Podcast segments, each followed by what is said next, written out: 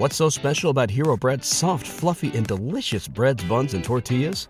Hero Bread serves up 0 to 1 grams of net carbs, 5 to 11 grams of protein, and high fiber in every delicious serving. Made with natural ingredients, Hero Bread supports gut health, promotes weight management, and helps maintain blood sugar. Hero also drops other limited edition ultra low net carb goodies like rich, flaky croissants and buttery brioche slider rolls. Head to hero.co to shop today.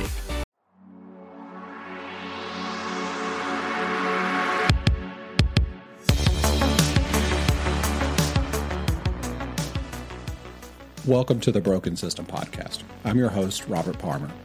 On this season of the podcast, we delve into the homicide case of Donald DJ Fickey, examining the case file and speaking with witnesses and family members to uncover the underlying issues that contributed to his tragic death. We'll investigate how law enforcement failed to bring charges in this case, despite the evidence that was available, and explore the factors that may have played a role in the failure of the legal system to bring his killer to justice. Through our analysis of the evidence and our conversation with those who are closest to the case, we aim to shed light on the truth and work towards preventing similar injustices from occurring in the future. This is the Broken System Podcast.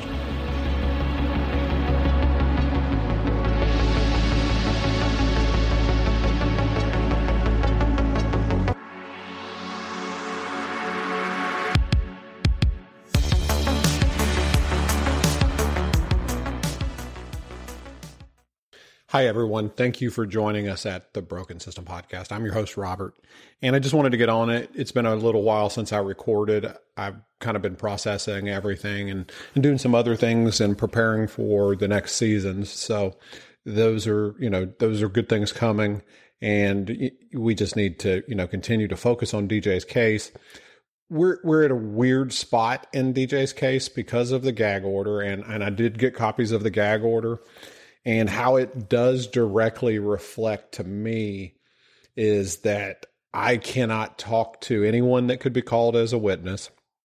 I cannot use any information from the case file. I cannot use any, you know, conversations that were recorded prior to and you know th- this was pretty much seems to be directed right at us and you know obviously at Amanda not being able to talk to news stations and things like that. So, you know, we we we went through it, we've talked about it and you know, it's best right now just to kind of let everything continue to play out as it is and just, you know, continue to to progress DJ's story to let you guys know what's going on. Obviously as the trial comes up and, you know, or any type of court uh issues or things come up, I'm going to let you guys know what's going on. And you know, I, that that's the most important thing is that the person has been arrested, Marshall, and he, you know, he he's going to have to, you know, get in front of at least 12 jurors unless he comes up with a plea bargain, which is a possibility, but you never know. So kind of give you guys a little update on on where the case is and what's going on. Um, you know, he, the last episode that I posted, he he was able to get a bond of $100,000. It was a property bond. He did make that bond that following Thursday or Friday after it. So he has been released.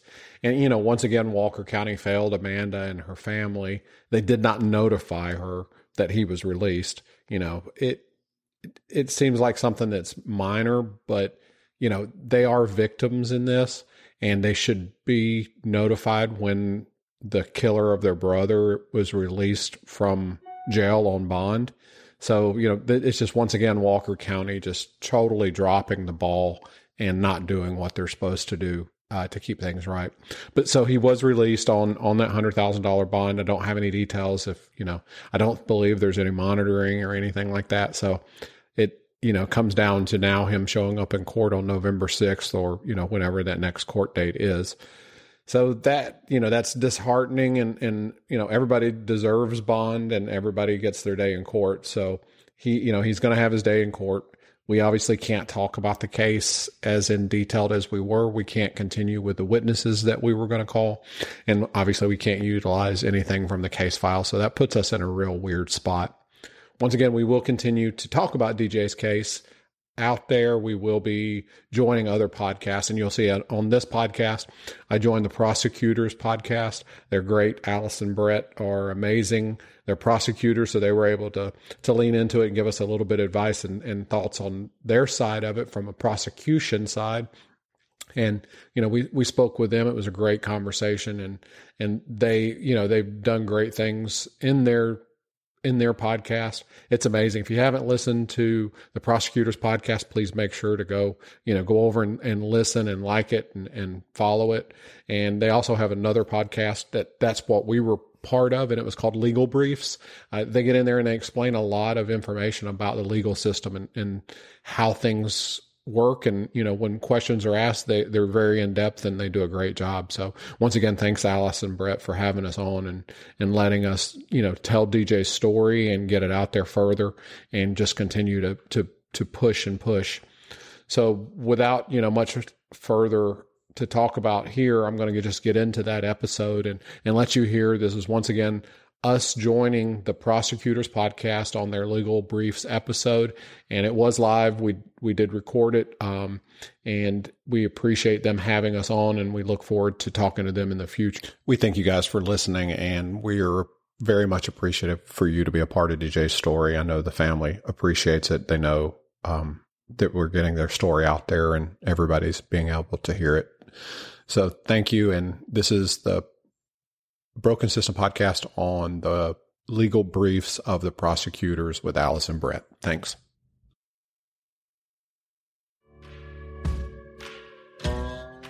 I'm Alice. And I'm Brett. And this is the Prosecutors Legal Briefs.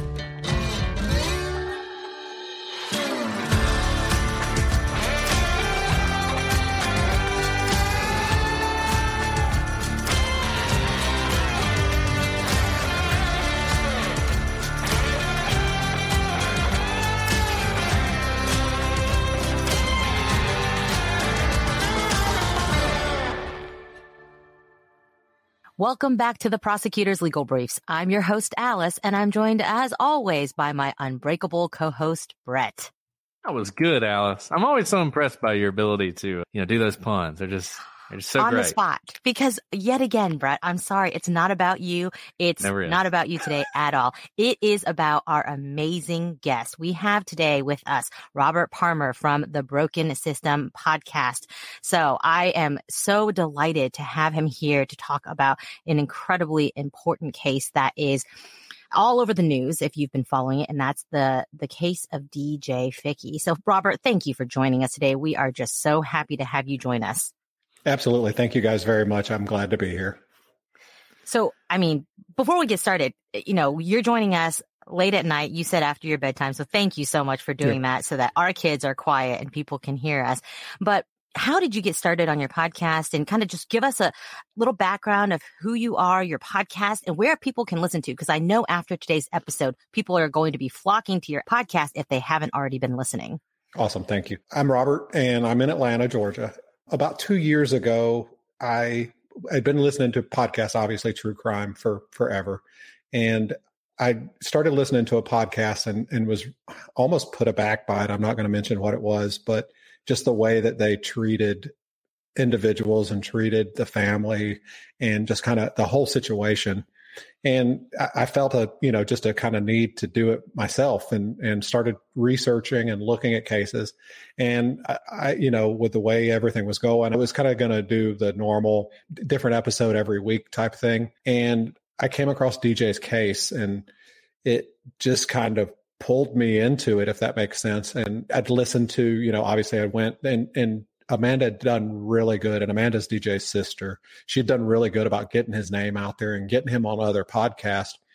But it was it was that thirty and forty five minute podcast, and the more that I read and the more that I listened and the more that I heard, I wanted to make sure that his story got out there because it deserves so much more than just you know a forty five minute podcast. So I, you know, I went in, I, I got in touch with Amanda and, and, you know, asked her permission, first of all, you know, made sure it was something that she wanted to do and, and she was all for it and kind of started that journey at that point in time. And, you know, just kind of crazy since then. What an incredible platform you've created for DJ Story. And I know there are several people here listening today who may not even know DJ Story. So I'm really excited that we're able to introduce our audience to your podcast and also the work you've done in getting DJ Story out there and the developments that are happening really as we speak. Yep, absolutely. And that was that was the one thing. And you know, and Amanda said her comment to me was, you know, if only one person listens to your podcast, it's one more person that didn't know about it. And and I found, you know, really that that even though it had a wide spread, it was out there. There's still a lot of people that didn't know. I, am glad I was been able to tell tell the story, and I know Amanda's on. I just see her comment there as well. So we're going to make sure that that DJ has his justice, and that's the most important thing is getting the family some closure because they really not had time to grieve. Amanda's been fighting this for seven years. You know, DJ's very lucky to have her, and she's an amazing person. So, so as you said, this is you know this is something that happened seven years ago. For people out there who are listening who don't really know DJ's story, can you give us a sort of a short synopsis of of what happened, the you know the immediate aftermath of the event, how things kind of went sideways, and where we are now? Long story short, there was a known drug house in Walker County, Georgia, and you know, unfortunately, DJ was was into that kind of lifestyle and and you know it, it, it happens. And him and his wife were staying at this place and she had gotten into a i guess a relationship with someone else that lived there. This was a small trailer home in walker county. There was probably 10 to 12 people living there. Just that kind of environment. Police you know it had been a regular basis type situation. Police are out there constantly arresting people things like that. And on the day of the incident it happened about one i think it was 1.15 in the afternoon. Dj had reached out to some of his family and said, Hey, I, I need you to come get me. I, I don't feel comfortable here. There's, you know, I don't feel safe. Something's going to happen to me if I stay here. And the last text message within three minutes from that, a 911 call was made in regards to a suicide call. Marshall, I can say his name now. For a long time, we we hid his name, but he made the 911 call. And during that 911 call, multiple things happened if you listen to the 911 calls and and when you go through the season you'll you'll hear it.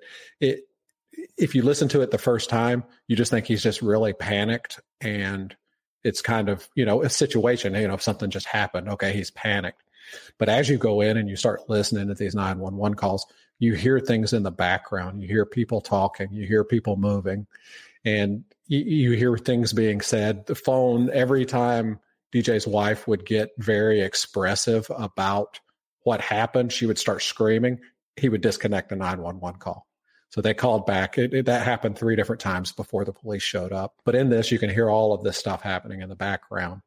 And supposedly from that point, there was only DJ, Marshall, and his wife, Brandy, that were at the house. That's, you know, everything that was conveyed to the 911, conveyed to the police. Well, when the police get there, there's another individual and his wife there, but they said they just showed up after everything. So this is the situation goes into it. They the police come in. It's a small town in Georgia, very small. They have you know a coroner, but they don't have a medical examiner. Coroner comes in. Once again, he's told, "Hey, it's a suicide." That's what it was called in as. Coroner comes in, sends the body to the GBI for an autopsy. When he sends the body, he states obviously it was a suicide. The body goes to the GBI. It's a very new medical examiner that's working for the GBI. She gets everything. Obviously, she looks at everything. And this is all happening within a matter of, you know, a week after this stuff had happened. The police officer is there on scene. As he's there, you can tell with his statements and the things that are happening that Marshall's statements are changing during this time. It goes from one thing to you know he just adds stuff or he changes his story just a little bit and and you you hear this throughout the whole time that it happens. So gbi is over here doing their thing. Within a week she sends everything back saying oh suicide. That's how it is. Walker county's investigating it. They're all of you know they're starting to realize oh no this is more than a suicide. And then it gets into an issue of okay this is more than a suicide. GBI has ruled it as a suicide, and they've started looking at everything as a suicide. But now they're seeing that there's other things that have happened. So they start investigating and they get further and further into it. Once again, you you can you can see through the interrogation with with Marshall from the very beginning. There's there's a number of interrogations. There's um, a lie detector polygraph that was given. It goes through everything. He absolutely fails it. The sheriff officer that that administer it, you can hear him tell the other officer he failed. Let's bring him back in. Let's see what he has to say. They question him about it. His story changes during these interviews. It's about a six hour, seven hour interview process. During that, his story changes probably four or five different times, and it, and his narrative changes to fit the questions that are being asked. So every time something's brought up, oh, this is what happened. This is the reason why it happened that way. So in some of that talk, you can hear him say, okay, the gun was in the back. We were talking about putting the gun away. We needed to put because DJ was talking about suicide. And and a lot of his narrative when he talks to everybody is well, DJ was talking about suicide. DJ was talking about suicide nobody else ever heard that other than him in his statements. I know at one point he also talks about struggling with the gun, like DJ has yeah. the gun and they're struggling with it.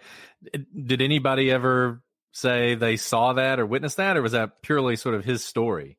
So that that was so originally his story was I was in the back room, I came out, I saw DJ shoot himself.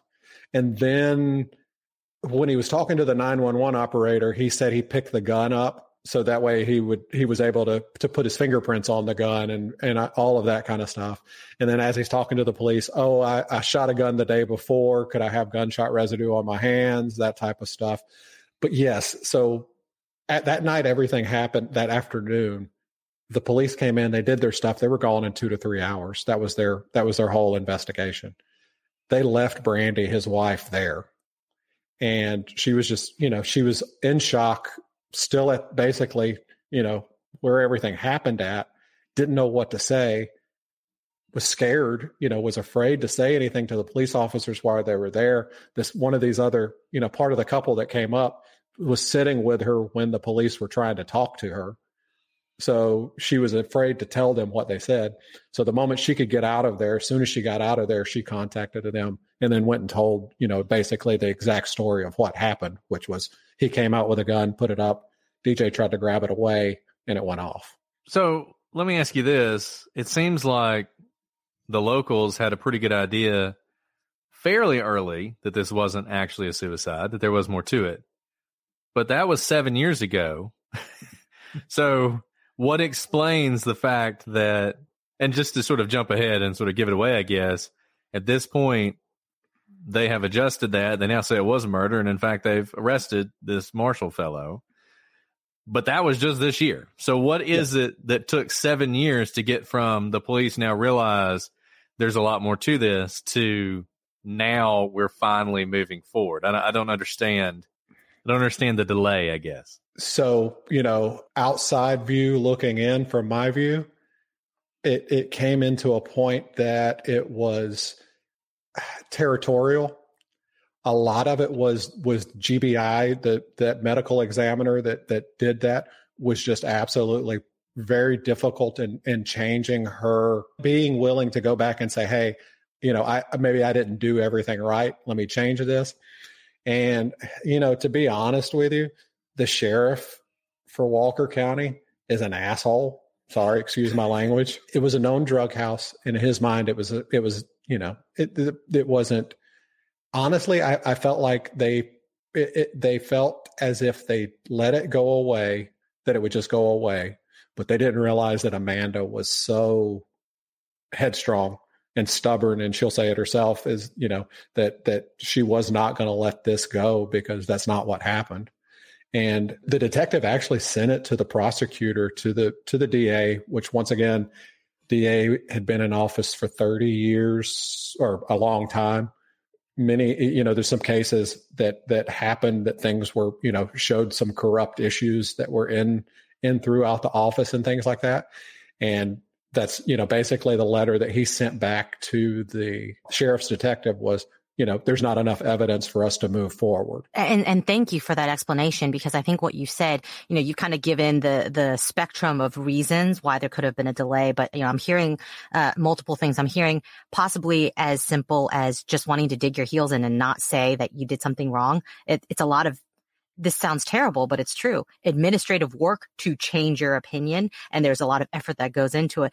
And then on top of that, and I think this is incredibly important, and, and you touch on this beautifully in your podcast, is that he could have been a forgotten one, right? He could have been part of a population that was simply not sympathetic. It didn't grab the headlines. It could be easy to toss him into a, well, that's a known drug house. And can we ever know what really happened at the drug house? Or do people care? And that is a devastating thing to say about any victim, but is a reality. And I think that's incredibly important to highlight what you just said, because I, I do think that's important.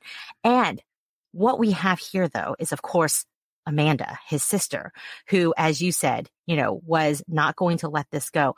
For those who are listening and who truly, you know, when they know a case intimately, whether it's someone they know or some, some case that mm-hmm. they've been invested in, can you, you know, kind of extrapolate a little bit more as to what Amanda was able to do to move the needle in those seven years. Many people would have given up in seven years. And I, I love that Amanda is here, you know, listening in as well. But not everyone is able to effectively kind of fight back on, you know, the, the big law enforcement, get people to change their minds, get people to look deeper or to take that extra investigative step. So I'd love to hear, you know, what she did and how, how it actually made a difference in this case. You know, basically she, she did the, you know, very first thing she did was she dug her heels in and said, I'm not going away and and she she went out there and she she spoke to every news agency she could find everyone that would talk to her she reached out to every podcast that that would you know reach back. She went to CrimeCon she you know she went through CrimeCon and put herself out there.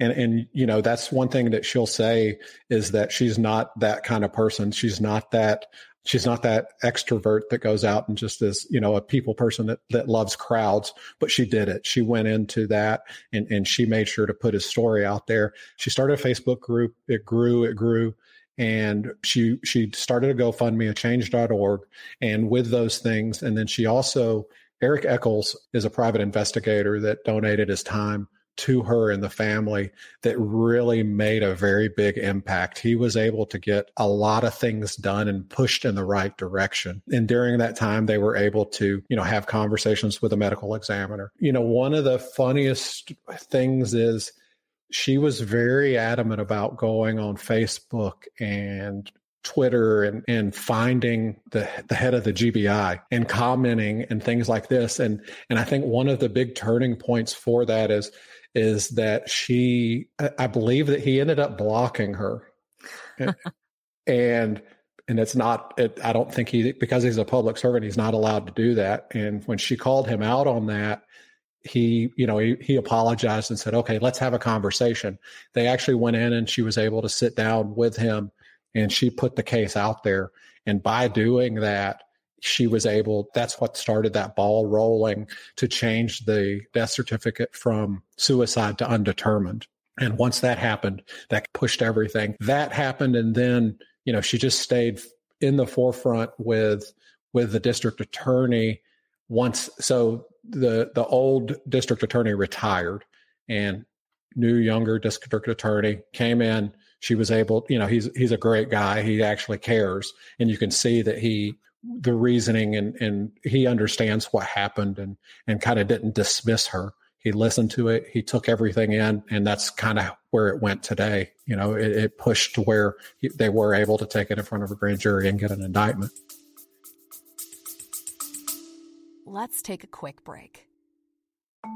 Have you ever wondered what's at the root of homelessness? I used to try to describe it to my husband that um, I said, I feel like I'm in this big spider web and I'm stuck in there. And how wraparound approaches at missions aim to make a difference? It's the things like that. The people who communicated that, in spite of my rough edges, that they authentically cared about me. On the Restorers podcast, we'll talk to experts, investigate current issues, share stories, and give you an inside look at how we at Water Street Mission tackle issues related to homelessness and poverty every single day. Join us by searching Restorers wherever you find your podcasts. So, you know, the thing that sort of, I don't know, I got a lot of thoughts. I got a lot of thoughts. I mean, it's great, obviously, that DJ had Amanda, but a lot of people, particularly people in DJ's, you know, shoes, don't have anybody. And it's really supposed to be, or at least the way I view it, the prosecutors and the police who are standing sort of in the breach for people who don't have anybody. And it's distressing that it seems like none of those people were that interested in doing anything about this case, even though they had their own doubts. And, and you and I talked about this before you, you came on here. It is not unusual to have a suicide where the family truly believes it wasn't a suicide for whatever reason. And you know, we've seen those cases, and a lot of times, I would even say most of the time, when you really look at them, you realize there was just a lot going on in this person's life, and in fact, it was a suicide. And it's as tragic and terrible as it is, that's going to have to be the final answer. And then you have this case where that's not the case, where in fact there was evidence very early on that the police were aware of and just did nothing with. And was it really just sort of personnel as policy? And once the people changed all of a sudden you know the the prosecutors and the police all of a sudden they were doing what they were supposed to be doing and standing up for this? Or was there like a piece of evidence that came out? You know what was sort of the triggering event that turned this from this is going to be sort of a cold case forever to we're arresting someone and moving forward with the prosecution. Yeah i mean the evidence everything that we've put out there has been from day one, you know, and it's, and I say this and I don't mean it in, in a, a lot of times when a suicide happens, and and I've had people reach out to me because you know this this pulls on and and they've had the same kind of situations happen to them and they want me to look at it and say hey can you do you know can you do for me what you're doing for DJ I'm like yeah sure send me what you get and they have a three page you know ever it, it's it's very very small so the thing with this, and I say that it was unfortunate, but because it was ruled a suicide so quickly, Amanda was able to get all of the case files and see everything so early that there was no doubt in her mind that there was no way, shape, and form that she was ever going to let this go. She wanted to make sure that everyone understood what she was seeing, what she heard, and what, you know, it wasn't just her being a, that family member saying, oh, you know, my brother didn't do that. She had it all in front of her. Wow, that's incredible. That's incredible to hear that all of the evidence that led to the indictment this year was already there. So this isn't a, a, situation where DNA had to be sent off. We were waiting for testing to come back. We were waiting for some witness who was to the wind to be found, to be interviewed. You're saying everything was from day one and it truly was personnel and Amanda's advocacy. If she yes. weren't out there with the evidence that everyone had from day one, this would not have happened this year. And that's, that's absolutely incredible to me. And what's incredible as well, and I, I want to make sure I get to this because I know people will be wondering how the files will be able were turned over to Amanda because I think every state may be different. I want to just also comment on how incredible Amanda is to be able to go through these case files, which can be very technical. They can be written in jargon, law enforcement jargon, medical jargon, and be able to analyze it better than clearly the prosecutors and investigators in the case and see through kind of all of the noise and see key pieces of evidence that clearly was strong enough to lead to an indictment today. That is a skill that frankly lawyers have to be trained to do. And I mean, Amanda brings to this obviously her her love and utter dedication to DJ, but this is not an easy thing to do. So I want to underline how how incredible it is that she takes a case file that is not written for the public and it's not written for public consumption per se. It's really written for like internal notes and was able to see the case even through all of that kind of medical legalese jargon. But with that, how was she able to get these files? Did she request them? Or in a case of suicide, is it always turned over to family members? And which family members can it go to? Everything was done through a FOIA request. So she was able to get everything. Once once it was ruled a suicide, she was able to request everything and, and get all of the documents. And just to be clear, I, I, believe this is the case, but correct me if I'm wrong. The reason she was able to FOIA those documents after it was ruled a suicide is because if it was a suicide, there was not an active investigation and therefore there was no hold back evidence for uh, deliberative or investigative purposes. And so FOIA uh, didn't have an exemption to keep those documents undercover. Is that right? And we'll be right back. Join hosts Dave Houghton and Sarah Ray Pallett as they examine the less glamorous side of sports with their podcast, In a Pickle. Follow IAP Radio on social media by going to IAPradio.com. In a Pickle is now part of the Den Network. For more information, go to IAPradio.com. Exactly. They did. The only thing they did is they they did, you know, obviously redact some of the personal information, but pretty much everything else is is there. Gotcha. So she basically took a a bad situation, which is where the investigators jumped to a conclusion too quickly and turned it around for her purposes for FOIA and was able to truly take a bad situation and make the best of it and then turn around the situation based on their mistake. Because if they kept it as an open homicide cold case, she still wouldn't be able to get those files. Absolutely. Yep. Eh, she would have, she would have hit that brick wall. So, and at that point in time, you know, she would have just been fighting against that feeling of, okay, this didn't, this isn't right. I know what happened, but, but when you, when she's able to get all of that to her, she's got everything in front of her saying, look, why are you guys I, I, don't understand why you're looking you're not looking at this the same way as these other hundred people that are looking at this now are. So i'm still kind of dumbfounded by this. So i want to walk through some of this. So dj died in october of 2016 is that mm-hmm. right? Yes. And shortly thereafter almost immediately thereafter it sounds like it was ruled a suicide. Yes within the but first then yeah within the first month or so couple yep. months but then at some point it changed from suicide to undetermined. When did that happen? That happened in 2018. Okay, so, so it took another year and a half for it to go to undetermined. Yes. And when it went to undetermined, was you mentioned the medical examiner with GBI. What was the position of the medical examiner with GBI at that time? Was it the same medical examiner who had ruled it a suicide, or had someone else come in at that point?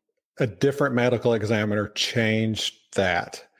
But oh, sorry, 2020 is is when it was changed. I'm sorry, Amanda got me right there when it was changed to undetermined.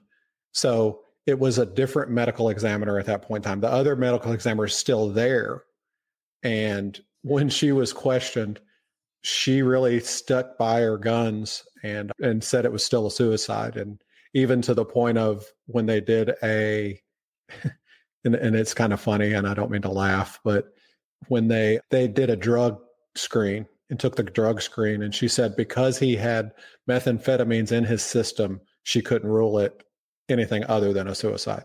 That if he had had a if he yeah that that's exactly my like a bright line rule? Yeah.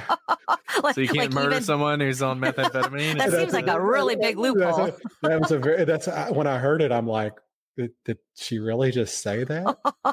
and and that's suicide by meth is what Jason said. But yeah, so because he was on on meth, it it couldn't have been a homicide. It had to be suicide because he should he could have he could have defended himself is what she said. So that was in 2000 in 20 2020 in 20 sorry yep too far back then in 2022 it's moved from undetermined to a homicide I don't believe that it was ever moved to a homicide. It was okay. until until I, I, believe they're still, you know, it still shows on his death certificate as undetermined, but they took the evidence to the grand jury finally in April of this year. And that's okay. when the grand jury indicted. Let's take a quick break. Introducing Work from Anywhere a Haworth Connect podcast, where we sit down with industry experts to discuss what's new and important in the world of work. We are now kicking off season two. In this series, we're focused on organizational culture, how important that is to the way we go forward in a work from anywhere ecosystem, and how we design the workplace to best support the most engaged workforce. We're available wherever you find your podcast, and we hope you'll learn along with us. And so they've indicted. I think I saw something like malice murder. So in Georgia, yeah. So in Georgia, they they it's two. They have two different types of murder. Basically, felony. It's a felony murder, uh, and it is malice, I believe. So okay. the the felony in Georgia is commissioned during a crime, and then the malice is basically you know just without regards. And going forward, I mean, now we have an indictment. We have someone who's been charged.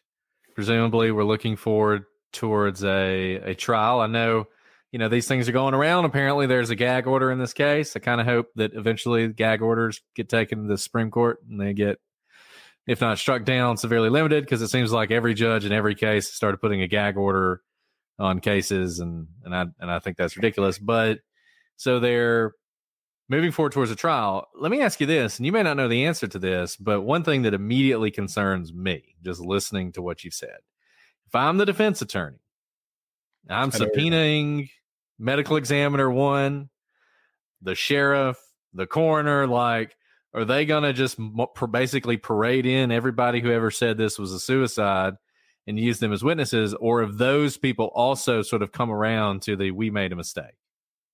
The sheriff, I, he, I don't think the sheriff would be involved. The detective that was involved from the beginning, he he from the beginning pretty much around January after everything happened. That he he it, the murder happened in October. January of the next year is kind of when he was still digging into all of this. And I, I think I don't know that he would say that it was murder, but I think he would. It, it, it's a type of manslaughter. I think is how he put it because he doesn't think. You know, I, I think he said that he didn't think that he intentionally pulled the trigger, but he did go out there with the gun to intimidate. So I, I think that that that police officer would still back that up. The detective would. So I don't think that's an issue.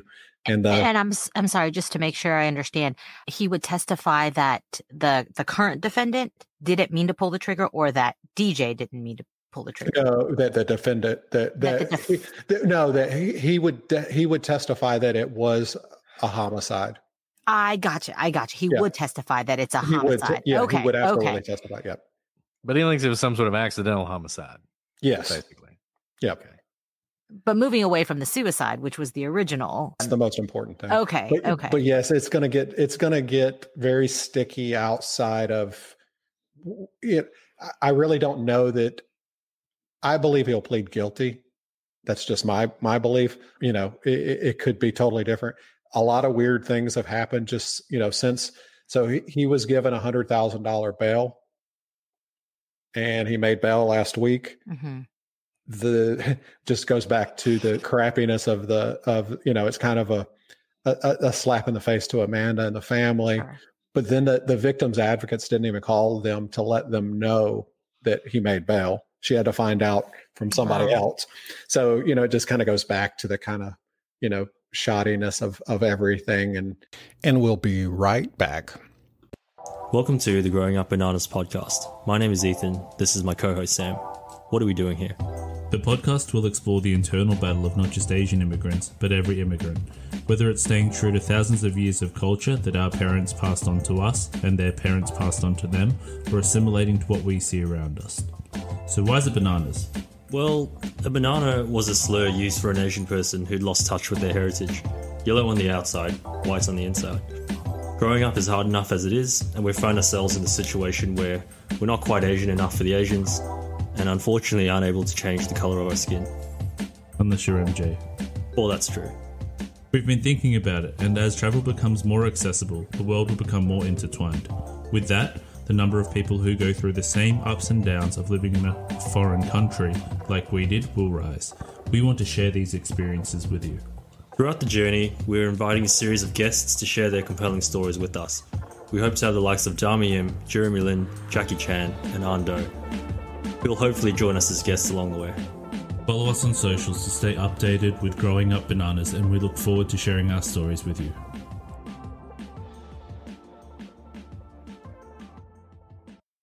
So, you know, there, there's fear there that, you know, okay, now he's out on bail.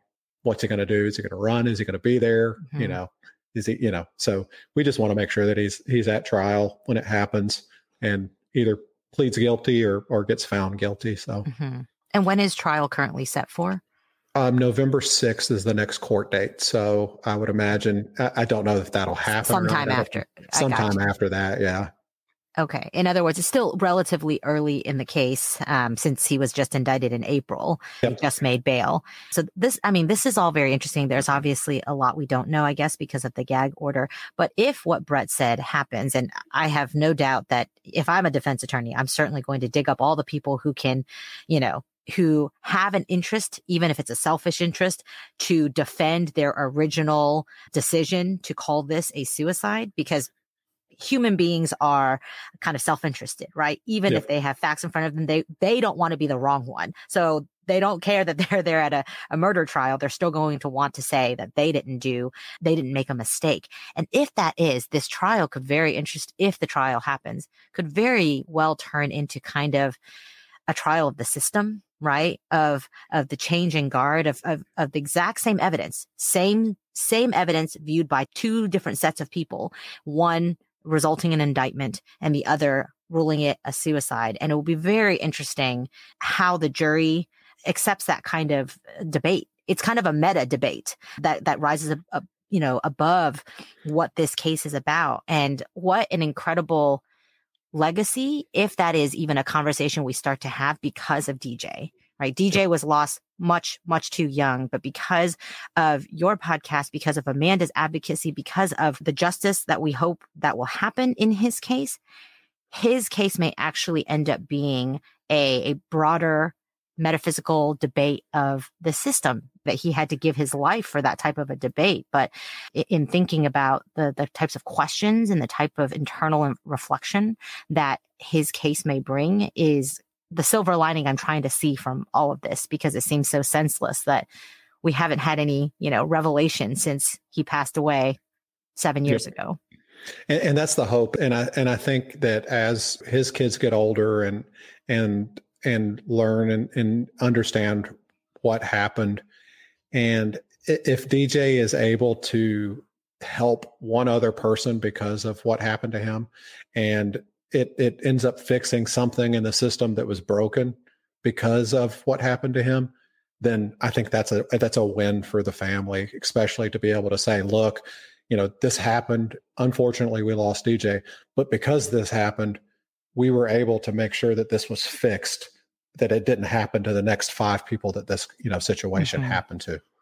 Mm-hmm. Because that's that's what's concerning is is that when you look into it, so you've got Amanda who dug her heels in and said, I'm not letting this go. How many other people in that county just kind of threw their hands up and said, I can't handle this, or just said, you know, eh, it is what it is. That's what happened. We believe we believed them. So we're going to go by what they say. So that's kind of the scary part. It is is where does it stop? Is it just on is it because of a, you know, the drug situation that they looked at it differently?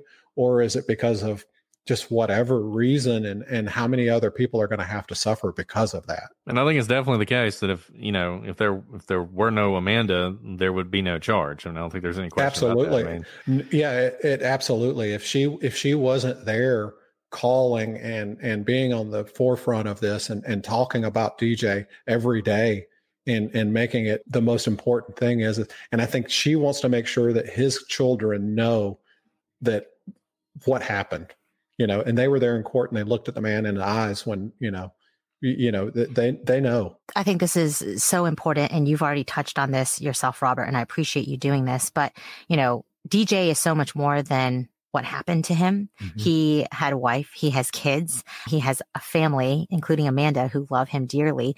And Amanda, you know, in the chat, please feel free to tell us more about DJ. But, you know, we've talked a lot about what's happened, you know, since DJ's passing and the legal issues and the investigation around him. But can you tell us a little bit about DJ that, you know, he had kids, that he had a life? How old was he when he passed away?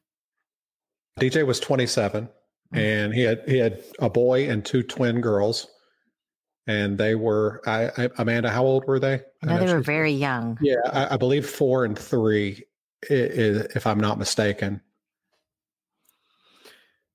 Yeah, and you know, I, I just I want to I want to give a shout out to the prosecutor in this case too, not to be you know self-aggrandizing for prosecutors because I do think this is a, obviously a, a, brave guy who's willing to take on a tough case because this is not an easy case by any stretch of the imagination. I mean, it sounds like it's going to be tough. And I think there are a lot of prosecutors who probably would not have wanted to take it for that reason. I think they would have said, look, there's evidence here, but with this prior finding of suicide, what chance do we have? And then not even move forward.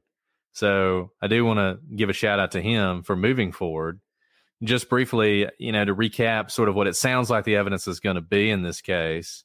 So you have his inconsistent statements. He's the one who called 911. I assume his fingerprints are on the shotgun because he says he was struggling with a shotgun at the time.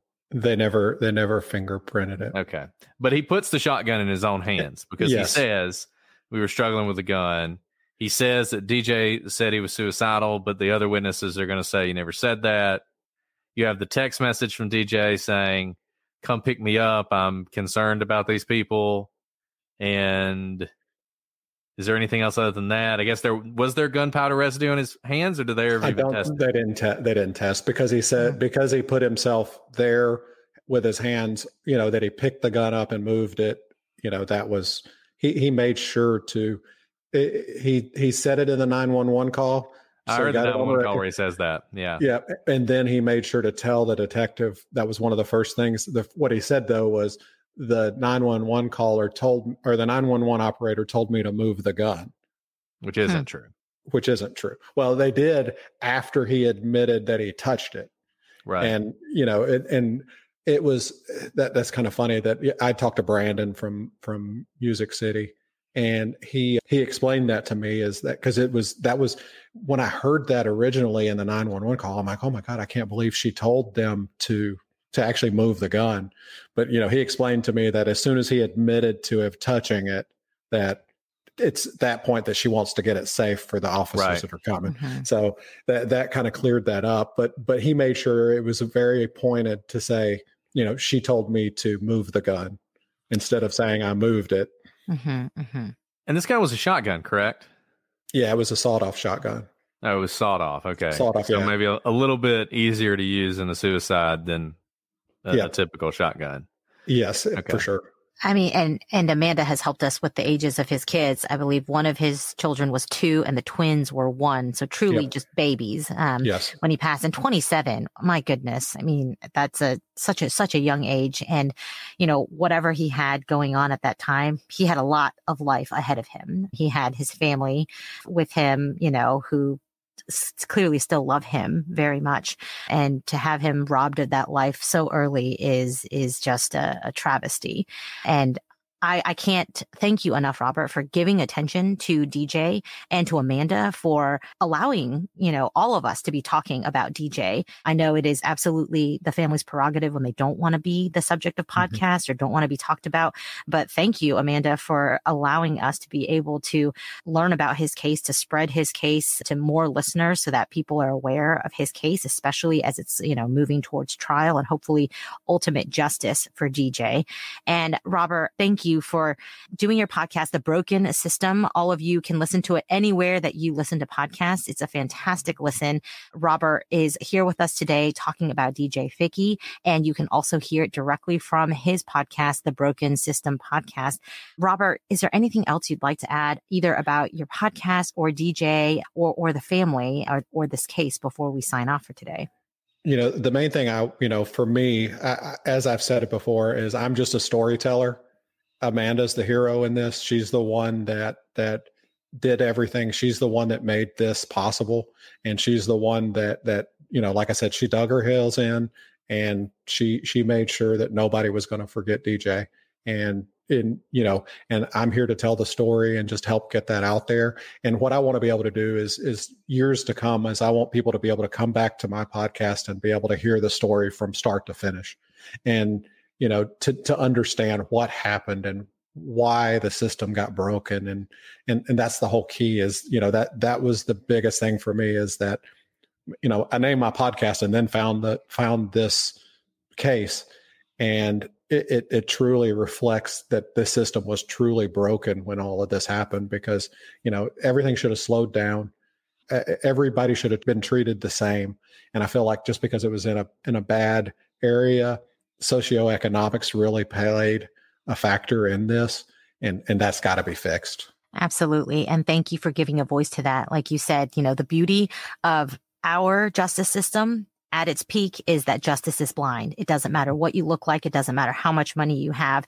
It's supposed to be equally applied to all. And so thank you for your podcast in bringing that to light and having this discussion through DJ's case for us, because I truly still hold that, you know, very, very close to my heart. And both Brett and I, we try to view our jobs that way. You know, justice is blind. It doesn't matter who you are. You deserve justice as long as we are the ones working on the case.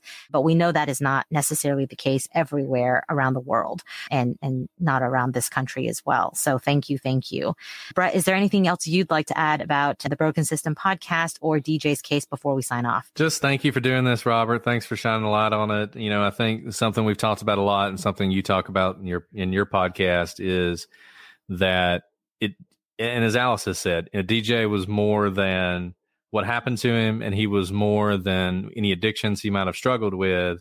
And the struggles he had didn't make him less of a person, and it didn't mean that he didn't deserve justice and that he wasn't someone that the justice system needed to find justice for and I'm glad that he had such a you know a great advocate for him and his sister that that that's going to happen. And I hope that because of him there will be some people who don't have sisters who are willing to fight for them who you know the system itself will will do its job and and step in and do that. So thank you so much for bringing that to light and really highlighting that very important point. Absolutely. Thank you guys for having me and, and letting us be able to, you know, spread the word about DJ's case and getting it out there. That's, you know, that that's my most important thing is just, you know, one more person to hear it, one more person to listen to it is is hopefully one more person that that may not have this happen to them. Absolutely. And so if you are hearing about DJ's case for the first time here, please make sure to check out the Broken System podcast and also be following developments because as you all heard, a, a person was just indicted and it will be moving towards trial. If we have any updates, we will certainly do another legal briefs on it. Awesome. And yeah, absolutely. And we'd love to talk to you again, Robert, if, if there are uh, additional developments or anything absolutely. we can do to help get his story out there highlight whatever is happening in his case. So thank you, Robert. Thank you, Amanda, DJ's sister. And thank you all for listening. And please go check out the Broken System podcast. But until next time, I'm Alice. And I'm Brett. And this is the Prosecutor's Legal Briefs.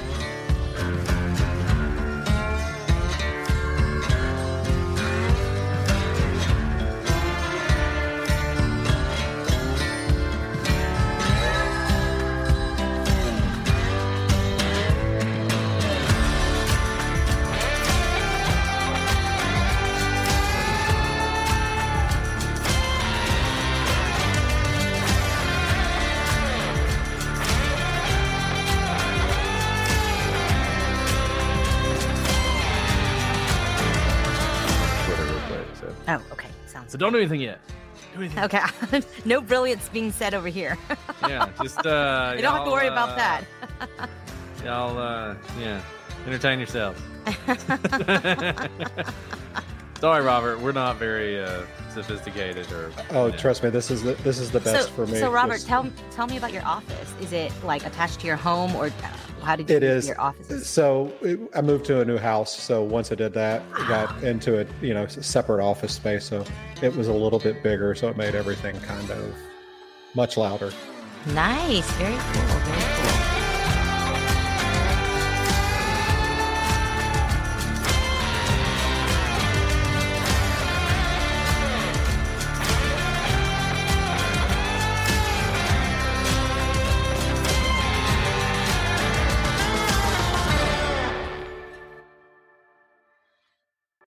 So once again, I want to thank Alice and Brett for having us on their legal briefs episode of the prosecutors podcast. We very much appreciate that. We very much appreciate being able to get DJ's story out to a whole nother group of people.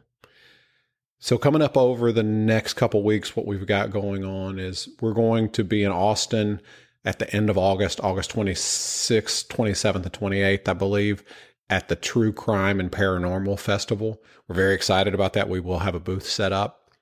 In September, we will be at CrimeCon. I will not have a booth set up. I'll probably just be hanging out with some of the people that I know down there and just, you know, getting to meet people and, you know, telling DJ's story as much as possible. And kind of my intentions going forward, I'm going to I'm I'm currently working on a second season. It'll be a different case and and you know, more information will be coming about that shortly in the next few weeks. But over the next couple weeks, I'm not going to have a lot to do about DJ's story. I do know that I'll be on uh, Music City 911 with Brandon. Uh, we'll be talking about DJ's case, and and there's got a couple other podcasts that I'm probably going to be on to discuss DJ's case. And as those happen, and and I'm able to release those to you on our our stream, I will, and that way you guys can hear them here if you're not already, you know, part of those other podcasts and listening to those guys. But in in the meantime, I'm going to there as I've been researching and looking for cases, I found a lot of cases that are really, you know, similar but not the same when it comes to, you know, all of the information that's available. So I'm going to be releasing those as it's kind of like sub episodes over the next few weeks. They'll just be there won't be so much serialized. They'll probably be just one episode to each case and, you know, as much information as I can get, much information as I can put out there, I will. Some you may have heard of, some you may have not. So I'm kind of excited about that to get those out there. And then obviously, like I said, I'm working on season two right now, and that's going to be a big one. And, and, you know, very similar situation, lots of things going on, and, and hopefully we can get some justice there as well. But I will continue to keep you updated on DJ's case as it goes into the court system, and hopefully the gag order is released. We can kind of get back to where we were at to finish up DJ's story. But if not, that's fine. The most important thing is is that that justice for DJ has happened, and we are we're moving forward. So, good luck to everybody. I hope to see everybody and talk to everybody over the next couple weeks. Thank you for listening. Very much appreciated. If you would, I would appreciate a five star review on Apple and some comments. That helps us really get up there in the rankings. Our numbers are pushing up. We're we're getting out there. It's very exciting when I see, you know, I get the emails saying how many downloads that we've gotten, and you know, it, it's amazing to know that that many people are listening to DJ's story and and it's getting out there. So thank you for all of that. So if you would just, you know, like I said, like and follow us, like and follow us on all our socials. We're, you know, we're on all of them under the Broken System podcast and we're pretty active on Twitter. Instagram has kind of died off a little bit, but I'll get back on there here shortly. And I look forward to, you know, talking to everybody, seeing everybody, and hopefully, you know, getting moving forward on our next cases. Thank y'all for listening. I appreciate you. It means a lot to me to have you know an audience that that likes to listen and and is very active. Once again, appreciate you guys. Thank y'all very much, and talk to you soon. Are you tired of having an unruly, scraggly beard that just won't cooperate? Look no further than Copper John's Beard Company, your one stop shop for all your beard care needs. Our commitment to quality ingredients and unique scents will take you on a journey to create your perfect beard. Specially formulated beer oil and butter will give your beard the TLC it deserves, leaving you looking healthy, manly, and wise. But what sets us apart from the rest? Copper Johns is the only beard product company that uses inland sea minerals, providing your beard with essential nutrients and minerals for optimal health. Don't settle for a lackluster beard any longer. Upgrade to Copper Johns Beard Company and take the first step towards achieving the perfect beard.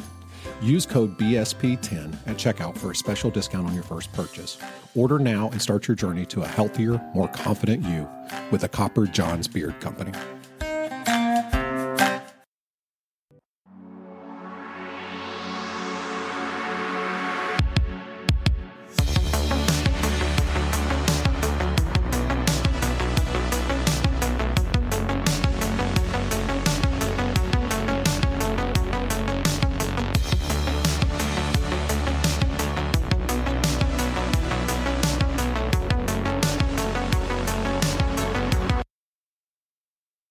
That's a wrap for today's episode of the Broken System Podcast. Don't forget to show your support by liking and sharing this episode with your friends and family. We also invite you to join us on Facebook and Instagram for more updates, behind the scenes content, and community discussions. Just search for the Broken System Podcast on both platforms and you'll find us. We encourage you to check out our show notes for this episode, where you can find links to our partners, a transcript of the episode, and information about the music you heard today. We want to make it easy for you to access all the resources we discuss on the show. And lastly, this episode was written, edited, and researched by Robert Parman. Thanks again for tuning in, and we look forward to bringing you more thought provoking content on the next episode of the Broken System Podcast.